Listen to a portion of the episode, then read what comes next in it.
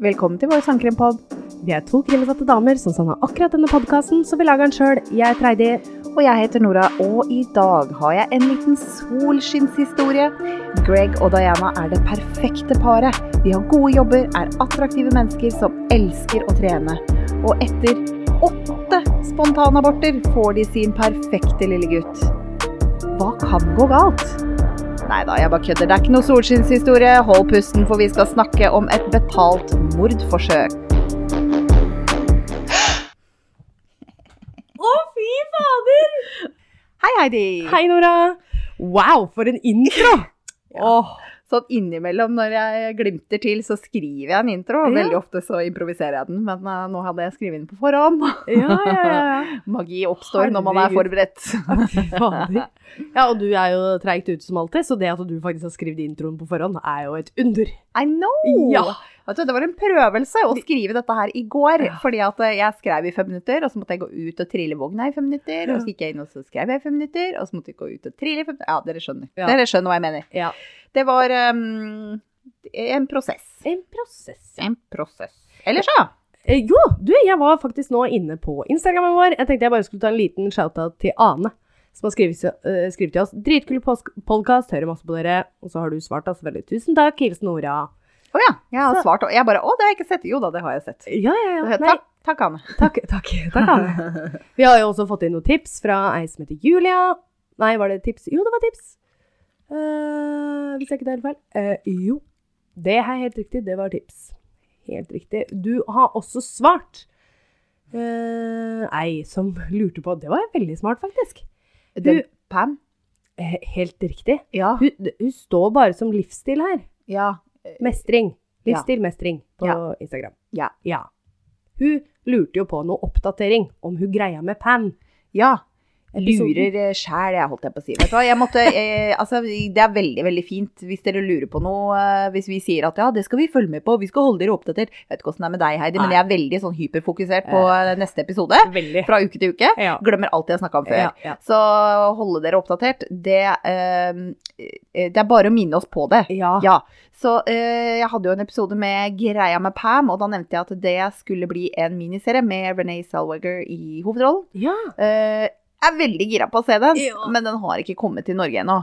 Jeg håper at den kommer. Mm. Den hadde premiere på NBC i USA i mars, Ja. så det er jo veldig ferskt. Men jeg håper jo at eh, vi tar den til Norge snart, da. ja. Jeg kan se for meg liksom TV 2 eller Sumo, altså Sumo eller um, HBO kanskje kan uh, få den på lista si. Å ja, det var gøy. Det, ja, men er det ikke litt sånn typisk dem, da? jo, jo. Det må jo komme. Ja.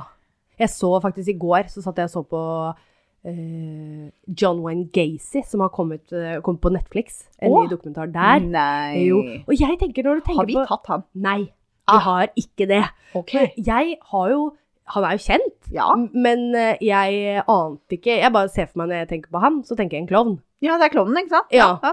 Men det er jo bare en liten del av det. ja. Så jeg fikk jo sjokk. Jeg har ikke sett alt ferdig ennå. Ikke han eh, Gjemte ikke han ofra sine under gulvet i huset jo, til mora? Og, ja, mm, det er en seriemorder, da, for dere Ja, som ikke, ikke kjenner til saken. Jeg har- er jo ikke ferdig, men enn så lenge så har etterforskerne funnet 21 personer i kjelleren hans. Ja, ikke sant. I et sånn sumphull, som jeg kaller det. Nei, Ja. Som vi på godt norsk heter potetkjeller før eh, Ja, ja, ja. ja, ja. ja. Mm. Så spennende. Kanskje det blir en episode, det òg. ja. Ja, det kan hende. Mm. Den, den er absolutt interessant. Ja, og når jeg ser faktisk Det er litt morsomt.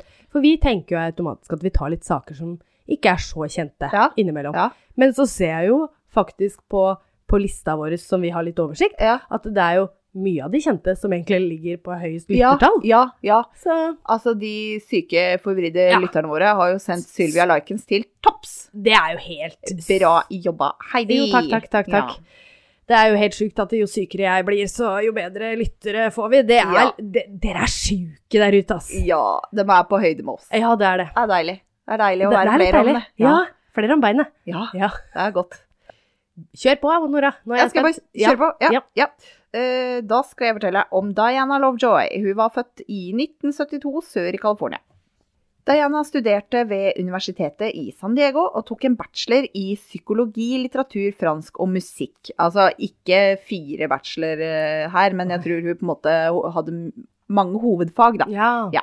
Hun uteksaminerte i 1994, og det er ikke så innmari mye informasjon om hennes tidlige liv, men eh, venner sier at hun var lett å prate med, morsom og smart og veldig dedikert. Mm. Hun var en flink student og tok godt vare på seg sjøl, og drev aktivt med trening. Hun er blond, blå øyne, perlehvitt smil, ser ut som en sånn veldig hyggelig dame. Hun var ikke sånn festløve, men drev heller med svømming, sykling og gåturer i skog og mark, og løping. Og ved siden av studiene, studiene jobba hun i Nokia, og det blei en fulltidsjobb når hun var ferdig med å studere. Og nå veit jeg at svensken min kommer til å henge meg ut fordi jeg sier Nokia, for det sier alle i Norge. For det er jo finsk, og det heter Nokia.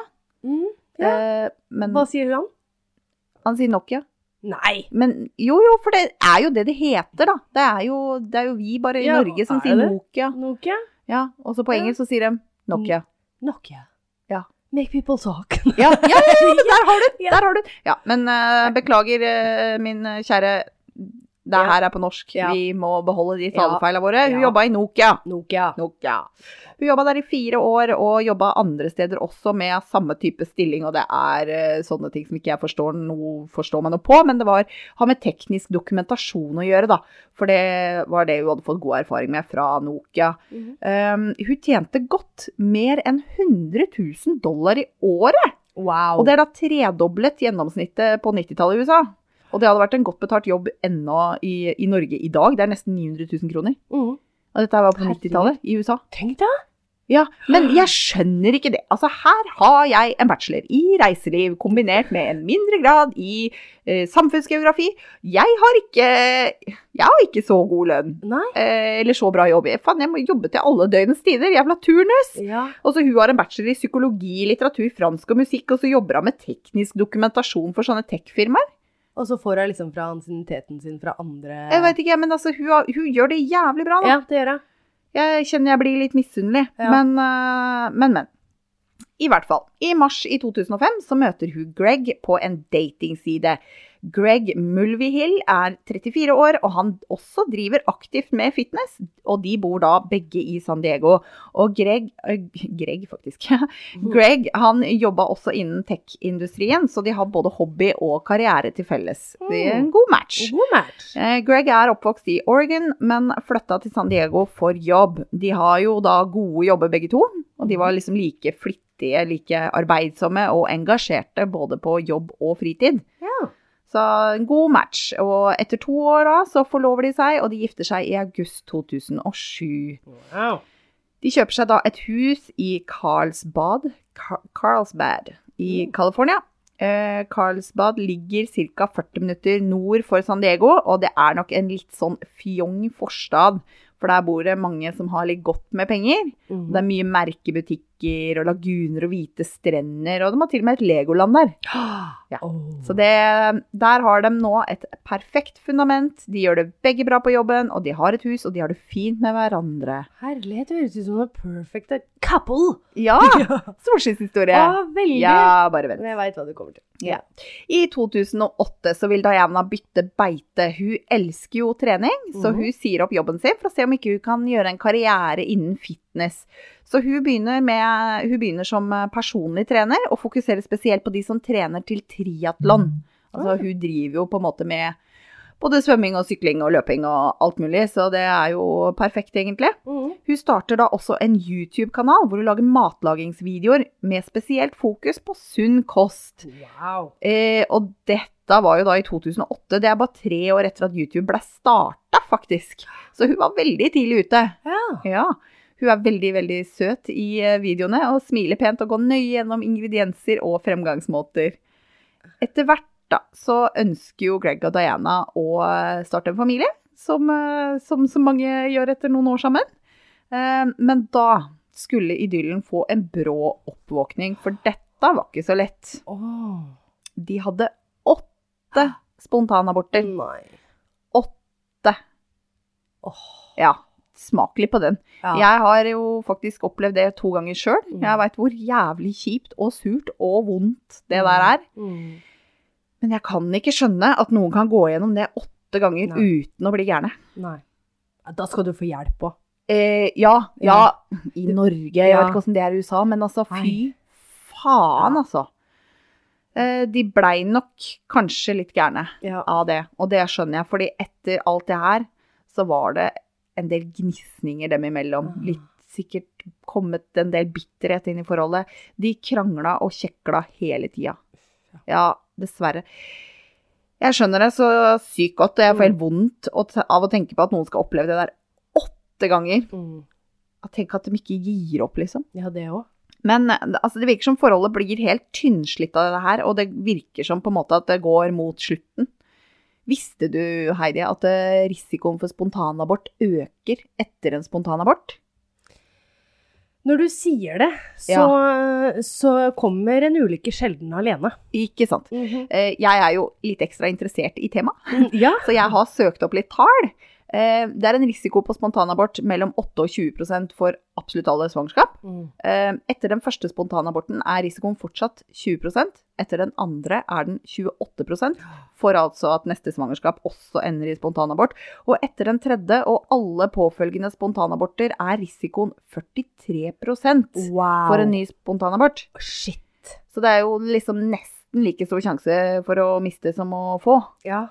Shit. Men alle gode ting er eh, ni. Eh, til tross for risikoen, så er den niende graviditeten den som gir dem en frisk liten gutt. Åh. Endelig. Det må vel nesten kalles en mirakelgutt. Ja. Men det var ingen enkel graviditet. Den var ansett som høyrisiko helt fra starten, og hun var dårlig gjennom hele svangerskapet. Men de fikk da en sønn i september 2012. Åh. Jeg syns jo det er egentlig er ganske bra jobba, Ja, da. De gifta seg i 07, og så får de en sønn da i 2012. Og så har de Wow. rekket alle de spontanabortene. Ja, da har de vært eh, produktive her, De altså. har det. Ja. Men de, de, sjøl om liksom de ikke har hatt det så bra hele tida. Det, det er Ja, ja. tar av meg hatten for den. Yes. De var, altså det var, de var så selvfølgelig overlykkelige over å endelig få barnet sitt. Mm. Men prøvelsene de hadde vært igjennom, det hadde permanent skada forholdet deres. De, de var ikke lykkelige sammen lenger. Nei. Greg hadde også mista jobben, så Diana hadde den eneste inntekten. Og hun kunne ikke lenger vie seg til fitnesskarrieren på fulltid lenger, og tok en ny jobb da innen tech-bransjen, eh, hvor hun hadde jobba før. Eh, finanskrisa i 2008, den var jo ikke så merkbar i Norge, eller? Kan ikke huske at den var det, altså. Nei, det var mye snakkis, bare. Ja. Men jeg, jeg husker det veldig godt, for det var jo når jeg bodde i England. Ah, ja. Og da var det veldig mange som mista jobbene sine. Og når jeg flytta hjem til Norge i 2010, så var det veldig høy arbeidsledighet der fortsatt. ja. Og det, det er bare spekulasjon fra min side, men det kan jo tenkes at grunnen til at Greg ikke hadde jobb, var, øh, var finanskrisa, rett og slett. Han var jo en sånn stå-på-type. ja. Høres litt sånn ut. Ja. Ja. Men småbarnslivet og fulltidsjobb, det tæra på Diana. Hun eh, Jeg tror at fortsatt så driver hun jo fortsatt mye med fitness på fritida si. Altså, det var jo livsstilen hennes. Og hun var konstant sliten, og hun hadde en mistanke om at hun hadde fibromyalgi. Mm. Er du kjent med det? Du, det har jeg hørt om. Ja. Ja. Er ikke det sånne um, syster? Eh, eggstokken? Eh, nei, det er det ikke. Det er eh, Hva heter det, Ja. da? Mm. Eh, Da, da det er noe noe jeg annet. Ja. Eh, Hva er dette her igjen, da? Jeg har, en, jeg har en venninne som har begge deler. Ja. Eh, så ja, en ulykke kommer sjelden alene. Nei da, jeg, jeg har noen venner som har fibromyalgi, eh, og det er ikke noe man skal kødde med. Det er en sykdom eh, hvor eh, Dette her henta jeg vel fra NHI, tror jeg. eh, Hvor det mest sentrale symptomet er vedvarende muskelsmerter i store deler av kroppen. Takk. Jepp. Ja, det var det. Ja. Ja, dagsformen kan variere veldig, men det kan gjøre det å jobbe veldig tungt. Oh. Kanskje spesielt når du bruker hendene mye. Og det gjør man jo når man skriver på data. Og, men jeg, altså, jeg tror egentlig alt kan være utfordrende med den diagnosen. Eh, sånn, ja, jeg har Ja. også ei venninne som har det. Men Ja. det, det kan også feilbedømmes litt i forhold til leddgikt, har jeg hørt. Å ja, ja, det kan jeg tenke meg. For det, altså, i hvert fall de vennene jeg har som Mhm. har det, de sliter med hendene. Mm. Ja, Venninna mi også. Gjør det, Ja. Eh, men eh, ja, det, så det, det er jo klart en utfordring å, å ha det. Men nå var jo ikke hun diagnosert, da. Men hun mistenkte at det kunne være årsaken, fordi hun var støtt sliten, og hun hadde vondt. Eh, Men hun var også hellig overbevist om at sønnen deres hadde fibro. Mm. Men hun tok han ikke med til legen. Men, eh, men ga han allikevel store medisin, doser med medisiner. Oi. Ja, og dette var i 2014, og sønnen er to år gammel. Nei. Mamma veit best, liksom. Men altså, ærlig talt, som mor sjøl, så kan jeg si med handa på hjertet at jeg veit ikke best. Du, ja, og ikke no, det er greit nok at jeg kan selvmedisinere meg sjøl. Ja. Ja. Ja. Men du gjør ikke det med en to år gammel baby. Eh, nei. Nei. Nei. Sorry, det er Jeg altså, har jo hatt eh, liksom seks barn før, ja. så kanskje du kan på en måte Men det har jeg ikke. Kanskje du kan gjøre det ved å gi en smertestillende, men du går Ja, ikke noe nei. lenger enn det. Jeg ville aldri gitt noen medisiner uten at jeg fikk det instruert Nei. av helsepersonell, for å si det sånn. Nei. Greg eh, var veldig uenig i Dianas di diagnose, da. Mm. Han mente at det var ikke noe gærent med sønnen overhodet. Uh, og han var ikke enig i medisineringa. Uh, det førte jo selvfølgelig bare da til enda større brister i forholdet.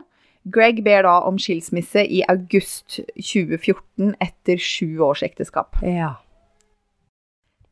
Så Greg han flytta ut, og han var innstilt på å oppdra sønnen i samarbeid med Diana, som man ofte er når man tar ut skilsmisse. Men deres skilsmisse var ikke akkurat enkel, og de skulle krangle i retten i flere år. Wow. Yes. Eh, På et eh, tidspunkt fikk Greg, når han akkurat hadde kommet hjem fra jobb, for han hadde jo da fått seg jobb igjen, eh, han fikk da til og med servert et besøksforbud. Mi midlertidig sådan, men, men eh, ja, han fikk servert et besøksforbud når han kom hjem fra jobb. Uh, Diana hadde da gått i politiet noen dager tidligere og sagt at Greg misbrukte henne seksuelt. Og ikke bare hun, men også sønnen. Nei. Jo. Sånne påstander lar seg ikke så lett avfeie. Nei. Og vi skal jo være glad for at det blir tatt på alvor. Jo da. Men altså, det er få ting som provoserer meg mer enn når kjerringer ljuger om det der. Ja, for det Jeg sier kjerringer, for det er det. Ja. For da blir alle andre beskyldninger fra andre kvinner i faktisk dårlige situasjoner potensielt også møtt med tvil. Mm. Det, Det blir sånn derre ulv-ulv-greie, ikke sant? Ja. Karen. Ja. Det er så jævla respektløst overfor de som faktisk er i sånne situasjoner. Ja. Veldig. Og dette farva jo selvfølgelig skilsmisseoppgjøret deres.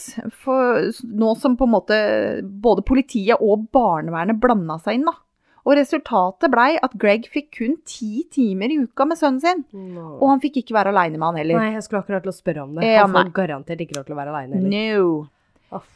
Sønnen blei òg evaluert og undersøkt, og det tok lang tid. Mm. Gjennom hele prosessen så sa jo Greg han hevda sin uskyld og insisterte på at han aldri ville skada sønnen sin. I november 2015, ehm, det har da gått eh, litt over et år, da var evalueringa av sønnen ferdig, endelig, og konklusjonen var at han har ikke blitt misbrukt. Åh. Han viste ingen fysiske eller psykiske tegn til misbruk, og ikke bare det. Teamet som evaluerte, sa at Greg var en fantastisk far, og det var åpenbart hvor glad i sønnen han var, og at egentlig kanskje faktisk Greg burde hatt hovedansvaret. Oh, wow. Ja, Så det var utredninga si, da. Det, det er bra utredning. Ah. Så da, eh, så lenge, skal vi se, det er jo litt over et år etter at Greg søkte om skilsmisse, da blir eh, samværsavtalen endra til 50-50. Smart. Og det er enda en ting jeg syns er grenseløst provoserende, er hvordan pappaer blir behandla etter samlivsbrudd. Dette er min personlige mening, altså. Ja. Men pappa er viktig, Ja. og det burde ikke automatisk være sånn at mor får hovedansvaret. Nei. Altså, er du klar over hvor dårlig stilt far er i Ja, sånne Det situasjoner? er Det er helt hårreisende. Ja. Jeg skjønner jo at det er mange som er i vanskelige situasjoner med liksom baby daddy og, og, og sånt noe, men ikke ta det utover forholdet pappa har med barna hvis ikke det foreligger en god grunn. Nei. Nei, og jeg kan skjønne liksom når Hvis, hvis ungene er avhengig av pupp, da, eller noe sånt noe, Ja. at da blir det litt annerledes. Selvfølgelig. Men, men ikke Nei, ikke i de omstendighetene der, altså. Nei. Og for barnet sin del så har jo barnet det beste ved å være med pappa og mamma. Ja, Ja. men hvis ikke de klarer det, så har det i hvert fall godt av å være med dem hver for seg. ja det var jo det jeg Ja. regna med, da. Ja. for de har jo ikke godt av at mamma og pappa er sammen heller, hvis ingen av dem Nei, har det bra. nei, nei, nei, For det merker ungene også. nei da, vi skal ikke svartmale folk som skiller seg. Det, er, det går helt fint. Og jeg Ja. mener at eh, det er mye bedre å skille seg og være lykkelig Ja. enn å vise barn et eksempel på kjærlighet som ikke er kjærlighet i det hele tatt. Nei. Så, så for all del, eh, hvis dere må, så gå fra hverandre. Ja, ja, ja. Men bare gjør det litt pent for barna. Ja. Og om dere så krangler, så ikke vis det foran barna. Nei. Ta heller den diskusjonen når ungene har eh, Ta det på, gått og lagt seg, jeg holdt på å si ta det på kammerset, men det er ikke noe felles kammers lenger. Men altså, poenget er ja. Ja, ja jeg dere skjønner hva vi mener. jeg tror vi har gjort det ettertrykkelig tydelig. I hvert fall da, så blei skilsmissa endelig uh, i 2016, og da blei det bestemt at uh, Diana faktisk skulle betale Greg 100 dollar i barnebidrag. Wow. Og hun fikk beholde parets hjem mot at hun da overførte 120 000 dollar til Greg innen 90 dager. Jeg Mm. vet ikke hvorfor hun måtte betale han barnebidrag når de hadde 50-50. Nei, det er litt spesielt. Ja, men det var nå det Men kanskje det var en, en kompromiss hun måtte gå inn ved at hun fikk beholde hjemmet, da, eller? Jeg vet ikke. Nei, men hun skulle jo kjøpe Ja, han ut, da. kjøpe han ut, så er Ja, det litt men det kan jo hende at uh, hun har fått uh, barnebidrag av han et år som ikke hun da hadde rett på. Det kan være. Ja, det kan hende. Men Ja, eller at han betaler noe annet. Gud Ja, veit. Barnehageplass. Du, Ja, you never know. Nei. Nei. Ja, nei, så dette irriterte jo selvfølgelig Diana, da, som ikke var så gira på å kjøpe han ut. Fordi nå måtte hun selge en leilighet hun hadde, for å få råd til det. Ah, Eh, Å nei, å nei, må du deg, selge ekstra av bonuseiendommen din? Å. Nei, vet du hva. Åh. Sorry. Vi blir ikke Um, engasjert i vi, Nora. Nei, Nei. heldigvis ikke. Nei. Vi kan holde oss helt saklig. Ja, ja, ja. Kan du tenke deg om vi hadde hatt en sånn pod hvor vi bare hadde lest opp uten å bry oss? Å, fy fader, det hadde ikke gått. Nei, Nei. Det, det, Nei. nei, da, da kunne jeg ikke vært interessert i temaet. Da måtte vi ha en sånn travepod eller noe. Da kunne jeg snakka ganske flatt. Ja. Eller, ja. Nei, jeg hadde ikke sikkert det. hvis du hadde sittet her aleine òg. Det hadde blitt veldig rart. Åh, da måtte jeg satt opp et speil. Ja. Ja, men du kan jo ikke snakke så engasjert hvis ikke du har et fjes å snakke til. Nei! Jeg er helt enig. Ja. Ja, det var våre eh, teorier om hvordan lage en god pod. ja. Vi sporer litt innimellom. Ja da, i hvert fall. I hvert fall. For kanskje for å få ut litt aggresjon, da, så får hun en interesse for en ny hobby. Mm. Nemlig eh, pistoler og skyting. Hun ville bli en god skarpskytter, og begynte å gå da på en skyttebane som lå nærme Karlsbad. Jeg syns hun hopper fælt i disse jobbene sine her. Utdanner seg som eh, Var det ikke Ja, innen psykiatrien? Ja, psykologi og fransk og litteratur og musikk. Altså, Ja, så går det til teknologi hun har veldig mange interesser. Ja, fryktelig. Og så driver hun masse med fitness, ikke sant? I forskjellige Ja. sjangere der. Og nå eh, blir hun interessert i pistoler og skyting. Ja. Det, det er bare hobby, altså. Ja, ok. ja. -hmm. Så, så hun begynte da å gå på en skyttebane som ligger nærme Carlsbad, og hun kjøper en pistol og skaffer seg en instruktør. Um, instruktøren ga henne privattimer. Han heter Weldon McDavid jr. Uh, og Weldon var rundt 48 49 år cirka når han møtte Diana, og han får veldig sympati for henne. Mm.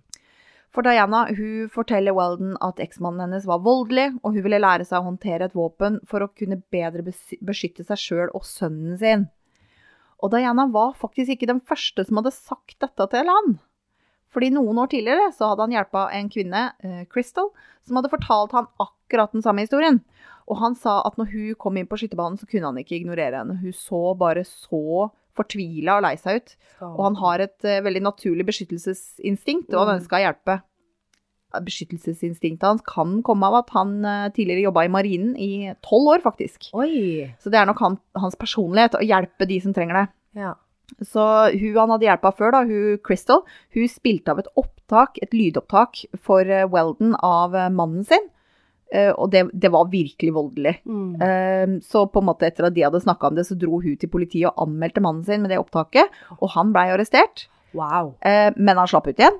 Ja. Eh, Og Weldon eh, han jobber jo bare som instruktør på skytebanen, men han tok på seg mer enn sine arbeidsoppgaver når han da dro hjem til Crystal for å hjelpe henne. Og han viste henne sjølforsvarsteknikker, og han kikka rundt i hjemmet hennes og kom med tips til gjemmesteder og sånn som hun kunne bruke der. Ja. Og mannen til Crystal blei da han ble arrestert for en annen seksualforbrytelse før han kunne på en måte skade henne noe mer. Men, men denne lille avsporinga sier litt om personligheten til Weldon, da. ja. At han er en sånn som ikke bare kan uh, stå Han lukker ikke øya. Nei, han Nei. lukker ikke øya. Nei. Så Diana serverer jo Weldon en uh, samme type historie, og han blir jo da selvfølgelig veldig engasjert. Så mye faktisk at eh, kona hans Lia synes det begynner å bli litt ubehagelig. Mm. For de sender veldig ma mange meldinger til hverandre. Og Lia syns liksom nå, nå, nå kanskje nå holder det litt. mm. Um, han sier at han bare prøver å hjelpe, og han vil bare gi Diana tips og triks som kan være nyttig.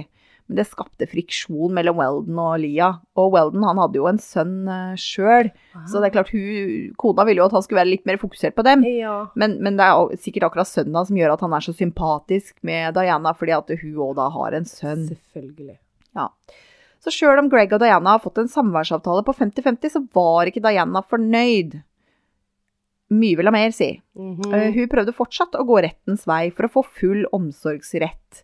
Og hun sier fortsatt at han har misbrukt henne seksuelt, til tross for at flere evalueringer hadde konkludert med at han ikke gjorde det.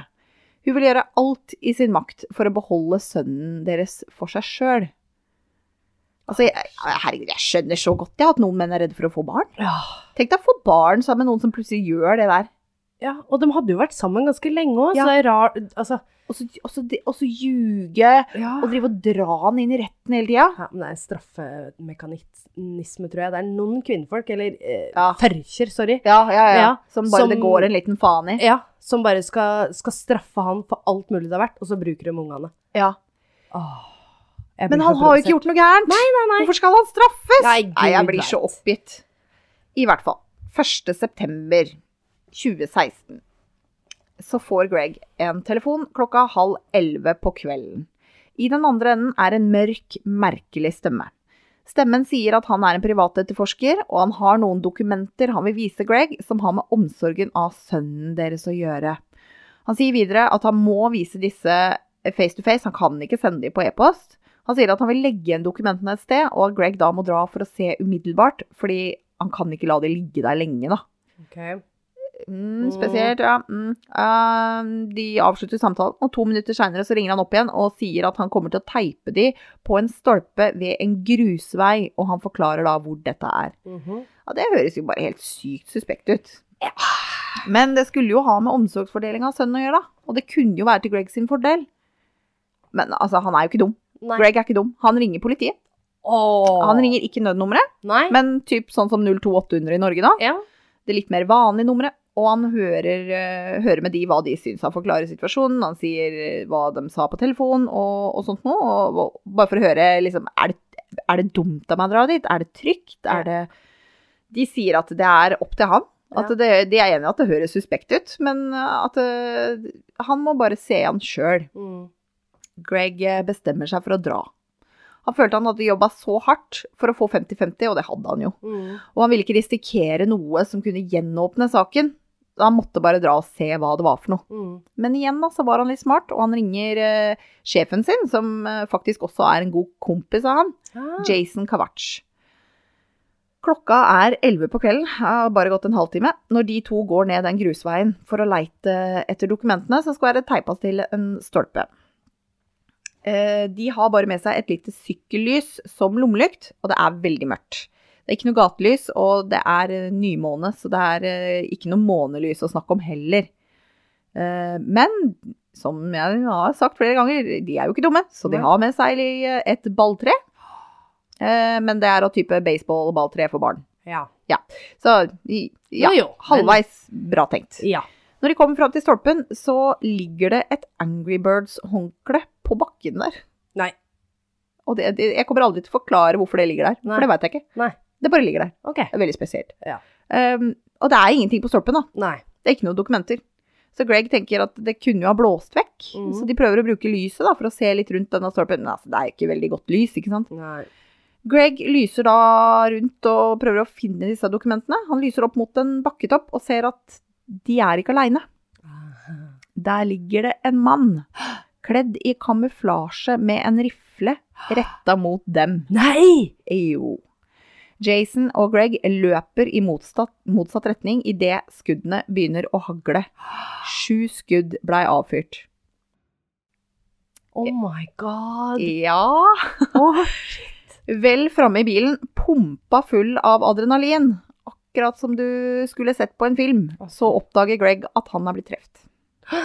Han hadde ikke merka det før. nei. Han bare, de bare beinfløy. Mm. Adrenalinet pumpa. Han har blitt skutt i brøstet. Nei, nei. Litt til venstre for hjertet. Han, altså, det- han merka det ikke før nå, Å, fy fader. men nå som han på en måte ser det, så blir han jo stressa, og blodet Altså, han blør veldig. Ja. Eh, og kroppen hans begynner å svikte. Det var han som var sjåføren. Nei. Så han, han var på en måte i bilen, og de var i ferd med å kjøre vekk derfra. Altså, bildet av bilen, det er liksom blodflekk på førersetet. Ja, det tviler jeg ikke på. Så um, de stopper langs veien, og Jason ringer nødnummeret. Mm. Greg blir frakta til sjukehus. Politiet undersøker området, og de tror det var da en tilfeldig skytter. eh, For de, de har jo ingenting av denne bakhistorien. Nei. De finner absolutt ingenting. De har også helikoptre i lufta, og de finner ingenting. Ikke engang patronhylser. Wow. Eller, Heidi, Ja. sorry. De, de finner én ting, da. ja. Det er litt vittig at denne saken her også inneholder bæsj. Nei! De, Kødder du? men de fant bæsj. De fant bæsj. Cirka der hvor skytteren blei antatt å ligge, så ligger det et, et håndkle med menneskebæsj på. Ja, jeg visste det. Jeg trodde ikke vi var en sånn bæsj-tiss-promp-pod, men uh, nå er jeg ikke så sikker. Nå Nei. hadde vi dette i forrige episode også. Ja. Det- Der var det bæsj, gitt. Det er bæsj. Får du noe DNA fra bæsjen? Vi kommer til det. Ah. Politibetjent Debbie Ernst var en av de første til åstedet, og hun fikk faktisk også med seg For hun er da sikkert fra det lokale politikontoret, mm. som Greg tidligere ringte. Ah. Så hun visste det at han hadde ringt dem på forhånd Mm. og forklart situasjonen sin. Og de spurte Jason om, eh, om måte omstendighetene, da. Mm. Og Jason fortalte dem hva Greg hadde sagt om telefonsamtalen som han fikk tidligere på kvelden. Heldigvis, selvfølgelig, eh, som kanskje du skjønner siden jeg har så mye detaljer om det her, Ja. så overlever Greg, da. Yes! Ja, og han kunne fortelle dem detaljer sjøl. Mm. Greg forteller uh, selvfølgelig da at han er i konflikt med ekskona si om samværsavtalen de har med, om, på, på sønnen. da. Mm. Og han sa, men han sa også at han trodde ikke det var hun som var skytteren. Nei. Politiet intervjuer selvfølgelig også Diana. Mm. Og det er noe ved oppførselen hennes som de syns skurrer litt. Ja. Eh, Han ene som avhører Diana, sier faktisk at eh, hun var nesten litt, litt fnisete og litt lattermild på et tidspunkt. Åh. Ja, Men hun sier hun ikke hadde noe Hun hadde ingenting med det å gjøre. Hun var hjemme hele kvelden. Mm, Det er ikke godt nok alibi. Mm, Nei, det er jo ikke det. Nei. Politiet kommer eh, ingen vei med hun, Nei. og de prøver da å konsentrere seg om hvem var det som egentlig ringte Greg. De sporer opp nummeret, og det fører til en engangstelefon. En, Wow. en såkalt burner phone. Ja. Eller altså, hva skal, hva skal jeg kalle det? Burnerphone det er egentlig bare sleng for en billig telefon med kontantkort. Ja. Som man kan bruke om man vil ha litt anonymitet. ja. Jeg hadde faktisk det i Spania. By the way. Det er litt morsomt. Ja, Jeg har det fortsatt. ja, ikke sant? Ja. Fordi det, det er jo ikke bare kriminelle som bruker det. Nei sånn som vi ser på, på film. Ja.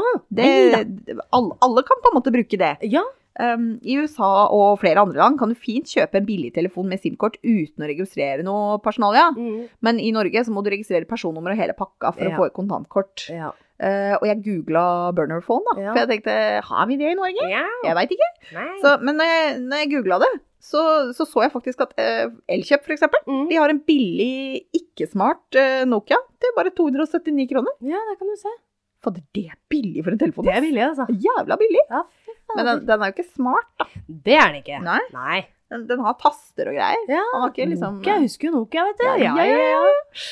Ja da. Um, men i hvert fall. Eh, de, eh, politiet da finner ut eh, Altså, de, de ser jo dette er en eh, sånn anonym telefon, da. Mm. Eh, men de finner ut hvor den er kjøpt. Ah, yes. Ja. Mm, eh, Mhm. eh, altså, det er et nå, Som sagt, jeg googla 'burner phone', og et triks jeg leste på nett for å ikke risikere at noen kan spore telefonen tilbake til deg, er å ikke skru den på før du er gått ut av butikken. Fordi signalet fra nærmeste telefonmast kan da avsløre på en måte hvor du har kjøpt den. Ah. Um, så eh, det er vel kanskje det som skjedde her. Fordi um, politiet fant butikken, og de så gjennom overvåkningskamera. Et spørsmål, Ja. bare. Er Er burnerphone litt det samme som et våpen? Altså du kan Det har ikke noe med serienummer å gjøre, for det vet jeg jo på våpen. Veldig mange filer jo av serienummeret på et våpen. Så kan ikke det bli spora tilbake til det. Mm. Kanskje hadde telefonen det òg, kanskje? Sånn du, men du nevnte Ja, altså det kan ja. godt hende Ja. at, de, en, At at det enten de kunne se det på signalet, eller at de kunne se det på, på en måte detaljene på telefonen. Ja, hvor, godt- hvor telefonen er kjøpt, da, vel å merke. Jeg skjønner at du ikke kan eh, lokalisere personen, Nei. med mindre de har overvåkningskamera, da. Og det har de. Og kameraene fungerer. Og hvem tror du de så? Det var han derre eh, Han militærfyren. Weldon? Weldon. Det var Diana. Nei! Jo da. Det var Diana. Oh, shit! Diana gikk og kjøpte den telefonen, hun. To uker før dette skjedde. Oi. Så da kan de endelig arrestere Diana og avhøre hun skikkelig. Mm. Eh, og de ransaka hjemmet hennes, og da fant de dessuten antrekket hun hadde på seg når hun kjøpte telefonen. Oi. Og Diana nekter jo da selvfølgelig på, for alt, og insisterer på gjemme den dagen eh, som hun er sett på kamera. Altså, Ah, hallo. Hun er blond, men altså, hallo. Ja, hallo. Politiet spør om hun hadde fått noen andre til å skyte Greg. Mm.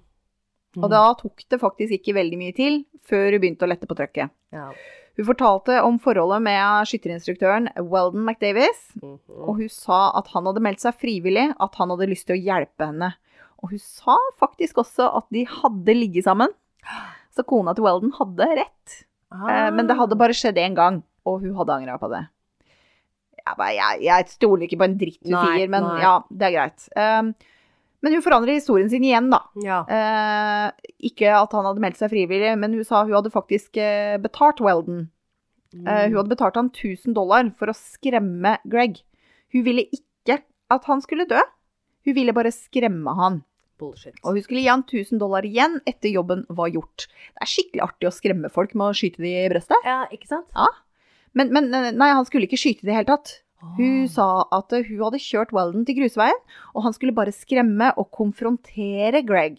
Han skulle bare være litt truende, ikke sant? Mm. Eh, men han hadde med seg et våpenfutteral. Og hun hadde spurt hva han hadde inni, og han hadde sagt 'ikke tenk på det'. Og da hadde han ikke det. Oh, nei, Nei, så hun hadde ikke spurt noe mer om det. Nei. Nei. Så hadde hun også henta Weldon etterpå, og da sa han at det hadde skåret seg. Han hadde ikke hatt noe valg, han hadde måttet skyte. Og politiet spør Diana hva er det som har skjedd som gjorde at han følte han måtte skyte. Mm. Men det visste jo ikke, for hun hadde ikke spurt noe mer, da. Jeg hørte det så dumt. Altså, om det hadde vært tilfellet, så hadde, hadde det vært meg, da. Så hadde iallfall forta meg til sykehuset for å sjekke om, han, om det går bra med han. Ja. Ja. Gjorde vel ikke det, eller? Nei, men altså reiste hjem. Nei, ja, reiste hjem, vet du. Men altså, hvis du betaler noen for å konfrontere noen, og de har med seg våpenfutteral, og når de kommer tilbake, så sier de at eh, nei, det har skåret seg. Ja. Eh, det, det- det, skjærte seg, så jeg måtte skyte. Og så sier du å ja, For det første, så ferdig liksom? Ja. Samtale ferdig? Ja.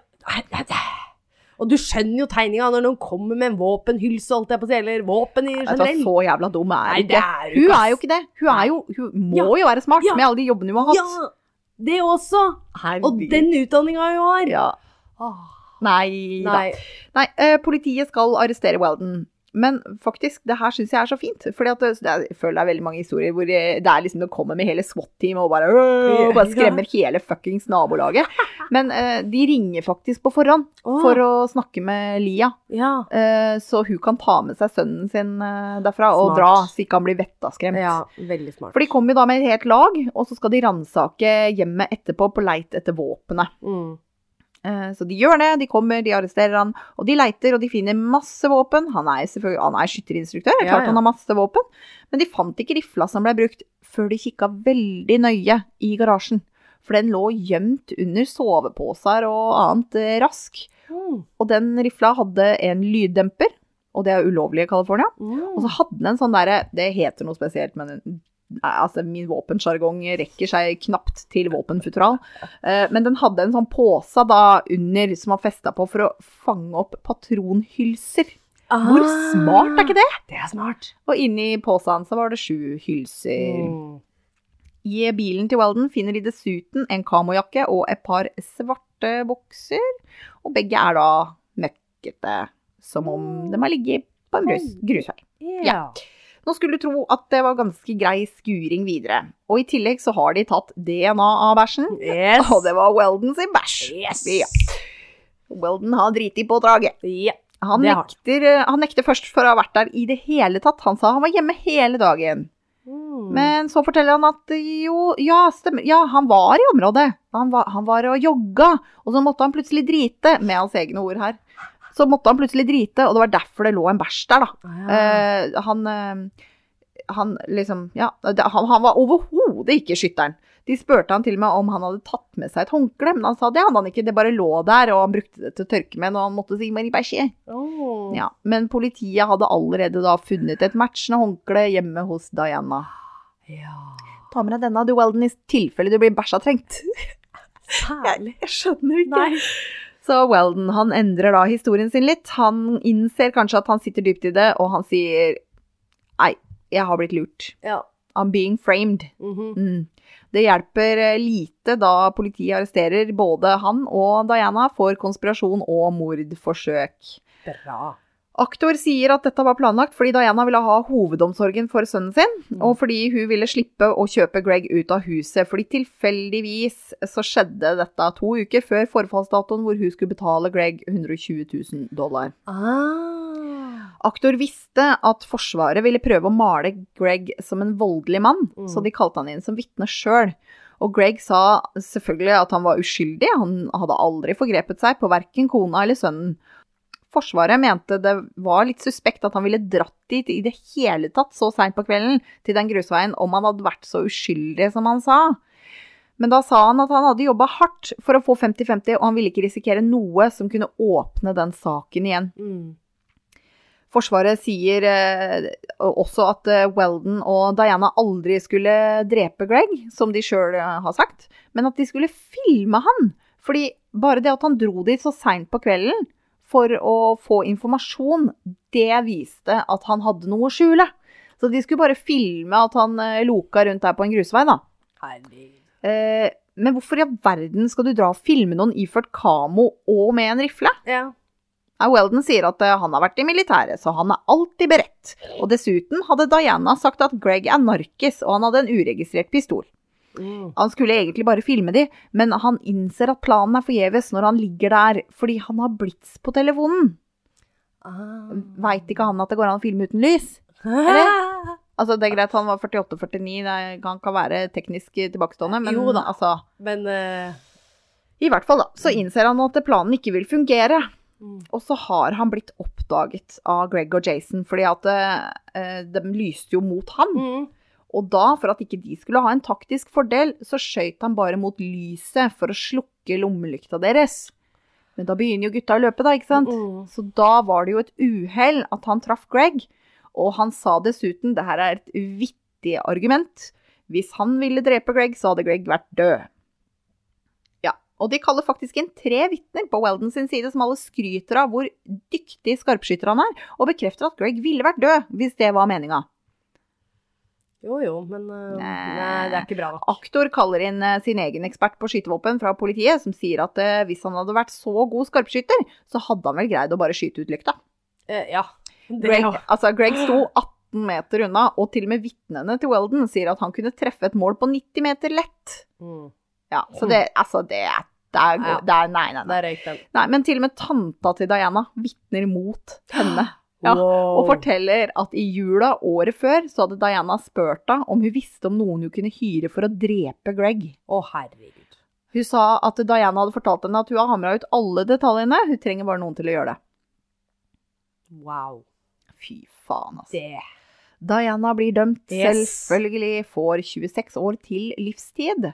Weldon får 50 år til livstid. Dommen til Diana blir eh, lest opp først. mm.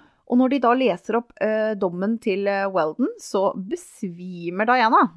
Nå er det mange som hevder at det bare var skuespill, men hun blir faktisk frakta ut av rettslokalet på en båre. Og du bare ler. Ja, sorry. Jeg så, jeg så en video faktisk eh, fra rettssaken, og hun segna om og så helt stiv ut når de prøvde å løfte henne. Hun bare uh, Men altså, blir man ikke slapp når man er bevisstløs? eller? Eh. Eller? Ja. Ja.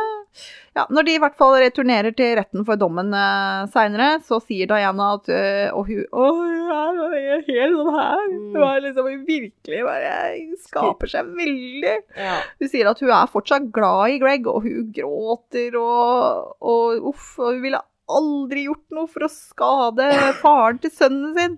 Hun kunne aldri tatt fra sønnen sin eh, faren sin.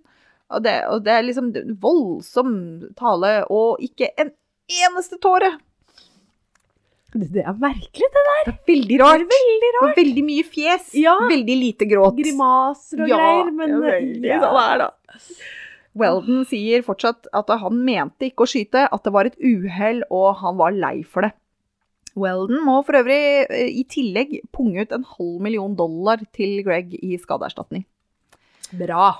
Både Diana og Weldon anker saken, men får avslag. Altså, flott. Jeg tror egentlig forsvaret hans hadde vært bedre hvis han hadde sagt det at Ja, vet du hva, jeg kan ikke fordra eh, konemishandlere. Ja, Og jeg skøyt med vilje. Ja. Altså, jeg tror faktisk han hadde kommet billigere unna det på den Jeg måten. tror òg det. Ja. Jeg syns det er så fælt at han fikk dobbelt så lang Ja. straff som hun. Hun var... som faktisk har planlagt å være mesterhjernen. Ja, og hun manipulerte han, og fikk han til å tro at Greg var voldelig, og at han både misbrukte Ja. både, Diana og sønnen. Ja. Det virker jo som hun liksom er eh, mesterhjernen, hvis man kan kalle det det, i hele fadesen. Jeg så en video på YouTube, eh, og i kommentarfeltet der så var det faktisk noen som skrev at eh, Greg er fetteren min. Og Oi. eh, Greg og sønnen har det så bra den dag i dag. Og de har et godt nettverk rundt seg, og han er en fantastisk far, og sønnen hans elsker han. Åh. Altså, tenk å gå gjennom åtte spontanaborter før man får barn, og så holder du på sånn. Ja, tenk det. Hæ? Nei, det er Det er ganske utrolig. Det er helt sykt. Det er helt vanvittig. Det Nei. Det, det går ikke an å si noe mer enn det. Nei, Nei, det gjør ikke det. det gjør ikke det.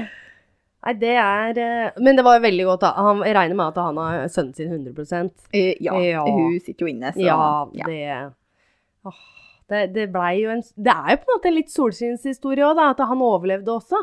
Ja, ja, ja. det Er er jo så flott. Ja. ja, det kunne gått skikkelig gærent. Ja. Men er det ikke litt uforsvarlig av politiet òg? Av liksom, nei, dette må du nesten kjenne litt på sjøl om du har lyst til å ja, dra dit. Ja, det, og han gjorde jo alt riktig. Han gjorde det. Og det, det Nei. Men han var jo veldig smart som tok med seg noen, da. Ja. Det kunne jo hende at han daua på veien mens han kjørte bil, f.eks. Absolutt. Så At han ikke hadde hatt eh, liksom roligheta til å ringe Ja. nødnummeret. Ja. Nei, fy fader. Ja, det kunne gått ille, ass. Det, jeg ble sjokkert av den historien her. Ja, Ja. Du hadde ikke hørt om den? Nei! Ikke jeg heller. Aldri hørt om den. Nei. Nei, så rart. Hvor fant du den her, liksom? YouTube. Ja, YouTube, ja. Ja, ja, det er min go to. Ja, eh, ja, det er mye, det er mye, bra, det er mye bra der. Det er mye bra. Ja. Men vi oversetter det på norsk òg, da. Oh, yes. Hvilken jobb jeg har gjort. Ja, det tviler jeg ikke på. Ja, Ja da. fader. Eh, det er en del bilder. Ja. Eh, og det mm, skal jeg se om jeg finner en video fra rettslokalet Ja. med bare hun spesielt som driver og skaper seg sånn. Det er provoserende Ah, å se på. Det er det. Sånn har hun holdt på i flere år for å liksom eh, få vilja si. Mm. Og nå eh, holder hun fortsatt på med det dårlige skuespillet sitt. Selvfølgelig gjør jeg det. Jeg skal se hva jeg finner. Jeg skal legge ut eh, bilder i hvert fall eh, på Facebook og Instagram som vanlig. Det er Hold pusten pod dere skal søke opp. Yes. Ja, takk for nå. Takk for nå, så ses vi om en uke. Det gjør vi. Ha det. Ha det.